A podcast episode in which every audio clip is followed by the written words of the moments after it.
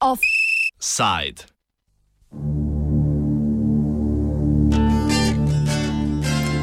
Zenica Trans.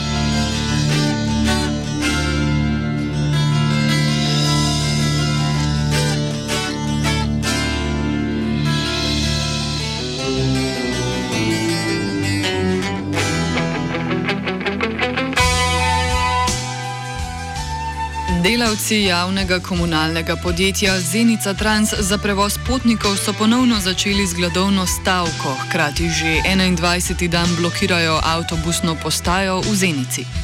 Za blokado avtobusne postaje so se odločili, ko je kantonalni davčni urad s koncem leta blokiral račun podjetja. Saj ta uradu dolguje okoli 4 milijone mark oziroma okrog 2 milijona evrov. Občinsko sodišče v Zenici je sicer po današnji obravnavi odločilo, da je stavka delavcev nezakonita in jim naložilo odblokado avtobusne postaje. Sindikat delavcev Zenica Transa stavke namreč ni prijavil, saj delavci trdijo, da ne gre za stavko, ampak gladovno stavkajo kot posamezniki. Za blokado pa so se odločili, da bi opozorili na stanje v podjetju, ki jim ne omogoča opravljanja dela. Avtobusi so ostali brez goriva, saj dobavitelji od bojazni, da bo podjetje šlo v stečaj in bodo ostali brez plačila, ne želijo več točiti goriva brez vnaprejšnjega plačila. Dogajanje strne novinar časnika Oslobođenje Mirza Dajić, ki prebiva. To je od 1996. godine v krizi in sad je vse to kulminiralo dan pred novo godinu, kada su ostali bez nafte, faktički bez mogućnosti da dalje obavljaju svoj posao, a uz to su dužni ostali radnicima tri plate. Nakon toga su radnici počeli negdje od 7. do 11. januara su bili u štrajku glađu do sjednice gradskog vijeća. E tada su očekivali pomoć da će dobiti, međutim ona je izostala. Gradonačelnik kao predlagač budžeta grada za 2020. godinu je povukao prijedlog budžeta.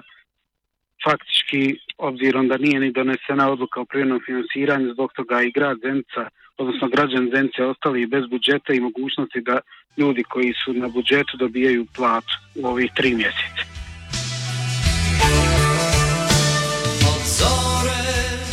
11. januarja so gladovno stavko delavci prekinili, saj sta stranka demokratske akcije in Zveza za boljšo prihodnost obljubljali, da boste na izrednem zasedanju mestnega sveta sprejeli amantma na mestni proračun, ki bi zagotovil milijon in pol evrov za preživetje podjetja Zenica Trans vendar je na zasedanju župan Fuad Kasumovič zavrnil amantmaje drugih strank in za Zenica Trans predlagal namenitev zgolj 250 tisoč evrov. V zameno mestni svet sploh ni potrdil proračuna za leto 2020. Kasumovič je na volitvah leta 2016 zmagal kot neodvisen kandidat, čeprav je bil prej član stranke Demokratske akcije. Ta je ena treh velikih strank v Bosni in Hercegovini, organiziranih po etničnem principu, predstavljala pa naj bi interese bošnjakov. Situacijo v Zeniškem svetu razloži Dajič.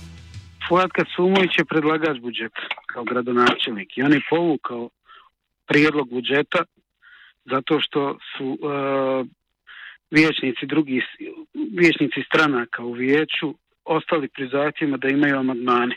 Znači da on je isključivo tražio da budu, budu onaj, onakav prijedlog kakav je on dao i da se da pomoć u visini od 500.000 maraka što bi bilo dovoljno za tri plate radnici.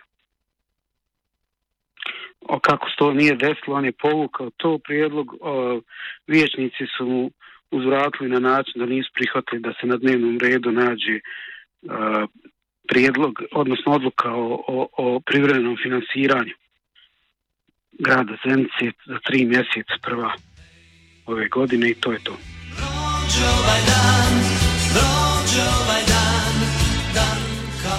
Ker podjetje ni dobilo niti centa, da bi lahko vsaj začasno začelo ponovno obratovati, so delavci danes ponovno začeli z gladovno stavko. Predsednik sindikata delavcev Zenica Transa Husein Sarvan opiše potek gladovne stavke in podarja, da ne gre za klasično stavko, saj so delavci tako ali tako ostali brez dela, torej dela niso mogli prekiniti z organizacijo stavke. Štrajk nije. Ovdje nije uopšte u pitanju štrajk. Mi radnici Zenica Transa smo najsretniji kad smo u autobusima kad radimo. Znači štrajk nije. Štrajk je treba organizovati na način kako to zakon nalaže, tako da mi nismo ni poštovali procedure i nismo ušli u štrajk. Mi smo jednostavno bili prinuđeni da stanemo na autobusku stanicu, ovdje na glavnu autobusku stanicu iz razloga zato što nemamo više goriva, nemamo maziva, nemamo rezervni dijelova, račun nam je bio blokiran. Iako je deblokiran stanje nam je nula, tako da ne možemo nabaviti na gorivo. Znači, ovdje se nama čitao vrijeme spočitava da smo mi napravili neku neku one, grešku u proceduri da bi se mi osudili u, u nečemu. Znači ovdje je na sceni, evo mi imamo odluku direktora predsjeća koji nam je dao radnu obavezu, pošto u toj odluci stoji da mi nismo u štrajku, nego da u obu stoji zbog nedostatka sredstava. A štrajk glađe su organizovala grupa ljudi, radnika Zenca Transa, koji su na svoju inicijativu to organizovali. Znači ja kao predsjednik sindikata nemam pravo nikoga da pozivam da ide da štrajkuje glađu, ni bi to, mi je to na pameti, ali ne mogu ja nikad, nikada nikome onaj, uh, uh, nikada niko ne, ne mogu naturiti nešto da uradi, nešto što ja mislim. Znači, ovo je jednostavno njihova odluka, njihov način da se skreni pažnja na katastrofalno stanje u preduzeću. Jer ovdje je uh, od strane gradske uprave i gradonačelnika čak u izjavama na, na vijeću mi smo dovedeni kao da uopšte ne postojimo, kao da mu je svejedno, kao da možemo i pomrti od gladi i sve, i njega to ne interesuje. On ima svoj cilj, on od tog svoj cilja ne odustaje. Vijećnici su uz nas, novinari su uz nas, čak na je predsjedavajući što uz nas, samo jedan čovjek koji će ovaj čita proces da se ovo stavi na, kako ljudi kažu, na zelenu granu.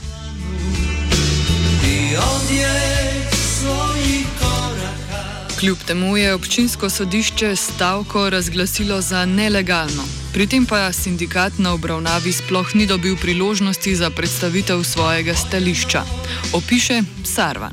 A, pa mi smo tuženi od strane grada a, Zence, gradonačelnika. Tu, tužba je bila naslovljena pogrešno, pa su to tužbu oni preformulisali pa su napisali da je to tužba protiv Saveza samostalnih sindikata saobraćaja i veza Federacije BiH, podružnica, podružnica Ženica, tako da su onaj obavljene taj gore ročište. Na ročištu se nisu pojavili naši predstavnici iz Sarajeva Saveza samostalnih sindikata, bili su upoznati od strane nas i našeg advokata da bi bilo dobro da pristuju ili da daju punomoć našim advokatu da nas zastupa. Međutim, oni nisu poslali ni jedno ni drugo, tako da će sudinice u postupku donijeti odluku na osnovu onoga što je dostavljeno, pa ne znamo u toku dana ili u toku sutrašnjeg dana dostavit će nam ovdje otpravak presude, pa ćemo se mi očitovati dalje. Jer ne znamo, ne mogu ja, ne možemo prejudicirati šta, kakva će biti odluka, ali mi smatramo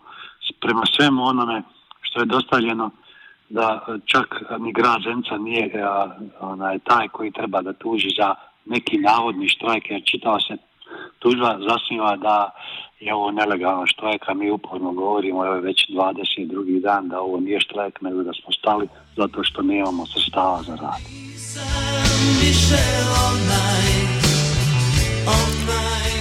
Mestne oblasti denarja niso odstopile Zenica Transu. Namesto tega so zagotovile obratovanje nekaterih avtobusnih linij s pomočjo dveh privatnih avtobusnih prevoznikov. Kot trdi Sarvan, sta lastnika objekt podjetij člana stranke demokratske akcije. Te dve firme su prevoz putnika Zavljovići, koji ima svoju firmu Zavljović, ima već dole ukida linije i, i vozi do 3 sata, znači povlači se iz Zavljovića. Dolazi u Zemcu, da taj vlasnik firme prevoz putnika je član SDA protiv koje gospodin gradonačelnik na sav glas drvlje kamenje baca. Drugi prevoznik je Bistus Zenca, isto član SDA stranke isto tako onaj na koju gradonačelnik drlje i kamenje baca. Znači ovdje se ne radi više ni o strankama, ni, ni o čemu, ovdje su samo lobiji u pitanju, znači jednostavno sve radi, samo da sruši preduzeće Zenca Transa, a on ima sigurno plan kako dalje da funkcioniše ovaj saobraćaj kome će ga dati.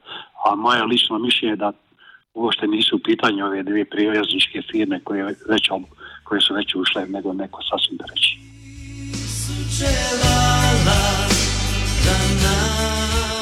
Privatni prevozniki tako že višajo cene kart.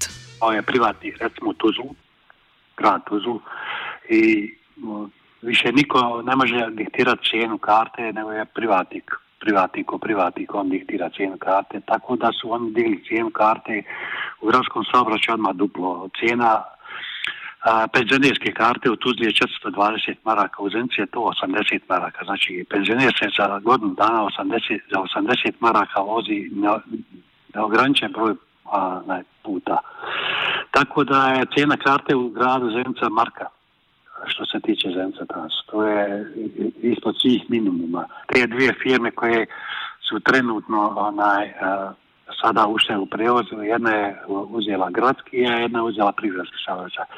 Već su na pojedinim linijama, evo koliko traje već da su oni ušli sedam dana, već su podigli na pojedinim linijama cijenu karata. Ograničavaju onaj, korištenje mjesečnih karata, ograničavaju korištenje penzionerskih. Znači, sve ono što mi nismo radili građanima grada Zencije, oni su već počeli.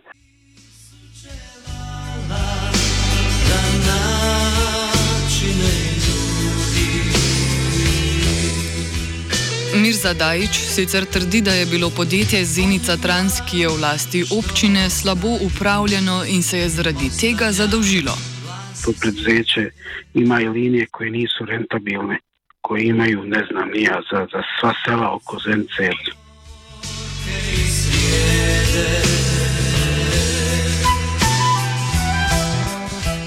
Po drugi strani Sarvan razlaga, da je stečaj podjetja na črt župana, da bi posel zagotovil privatnikom.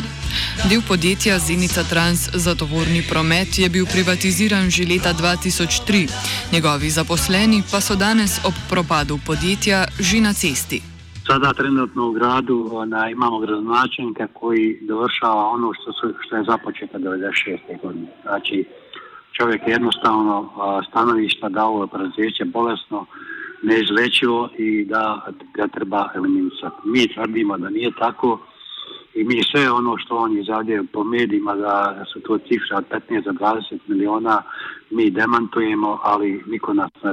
Mi smo evo, u saradnji sa menadžmentom i saradnji sa direktorom došli do podataka, znači od 6,5 miliona maraka s kojim bi mi riješili sva dugovanja i prema dužnicima koji, kojima mi imamo, znači uključujući i goriva i maziva i rezervne dijelove i a, dužni smo transu za karte i za znači sve, sve dugovanje. Dugovanje prema Poreskoj upravi koja iznosi tri, oko 3 milijuna i 900 hiljada maraka glavnici svake godine a, Poreska uprava federacija otpisuje na kamate svim dužnicima tako da smo mi ukoliko bi neko iskazao interesovanje da riješi pitanje dugovanja prema Poreskoj upravi, znači to može na jednostavan način da se uplati 3 milijuna i 900 da sad pišu sve kamate.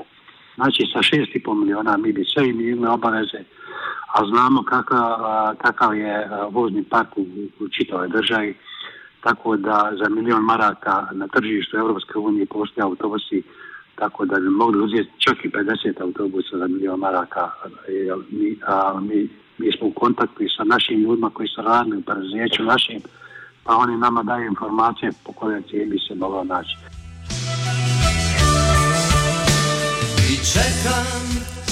Že od leta 1996 imajo po Sarvanovem mnenju vladajoče stranke isti cilj. Od 96. godine, od kraja ovih sukoba rata na prostoru BiH, rade se neke stvari koje sve su se stvari radile na način da se uruši sve ono što je društveno da bi neki a, privatni tajkuni došli do posjeda onoga što je državno za mal novac, ako je moguće i za nikakve, nikakve novac. A, moram ovdje napomenuti da smo mi kao firma Zenca Trans na području bivšeg Jugoslavije bili drugi ili treći prijevoznik, znači poslije a, Beogradske vlasti bili smo onaj, jedni od najjačih prijevoznika, tako da je sve rađeno od 96. ovamo da se uruši preduzeće, pa smo prvo je rađeno na način da smo izgubili sve međunarodne linije, pa međugradske, pa međukantonalne, pa došli smo do gradske i na kraju evo došli smo situaciju da je ovo malo u gradu a, izgubimo da se i, ovaj dio da nekim tajkudima.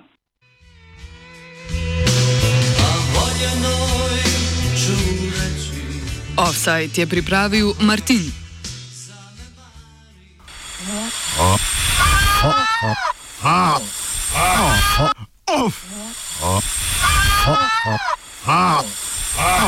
Offside. Politika je treba skozi rušiti.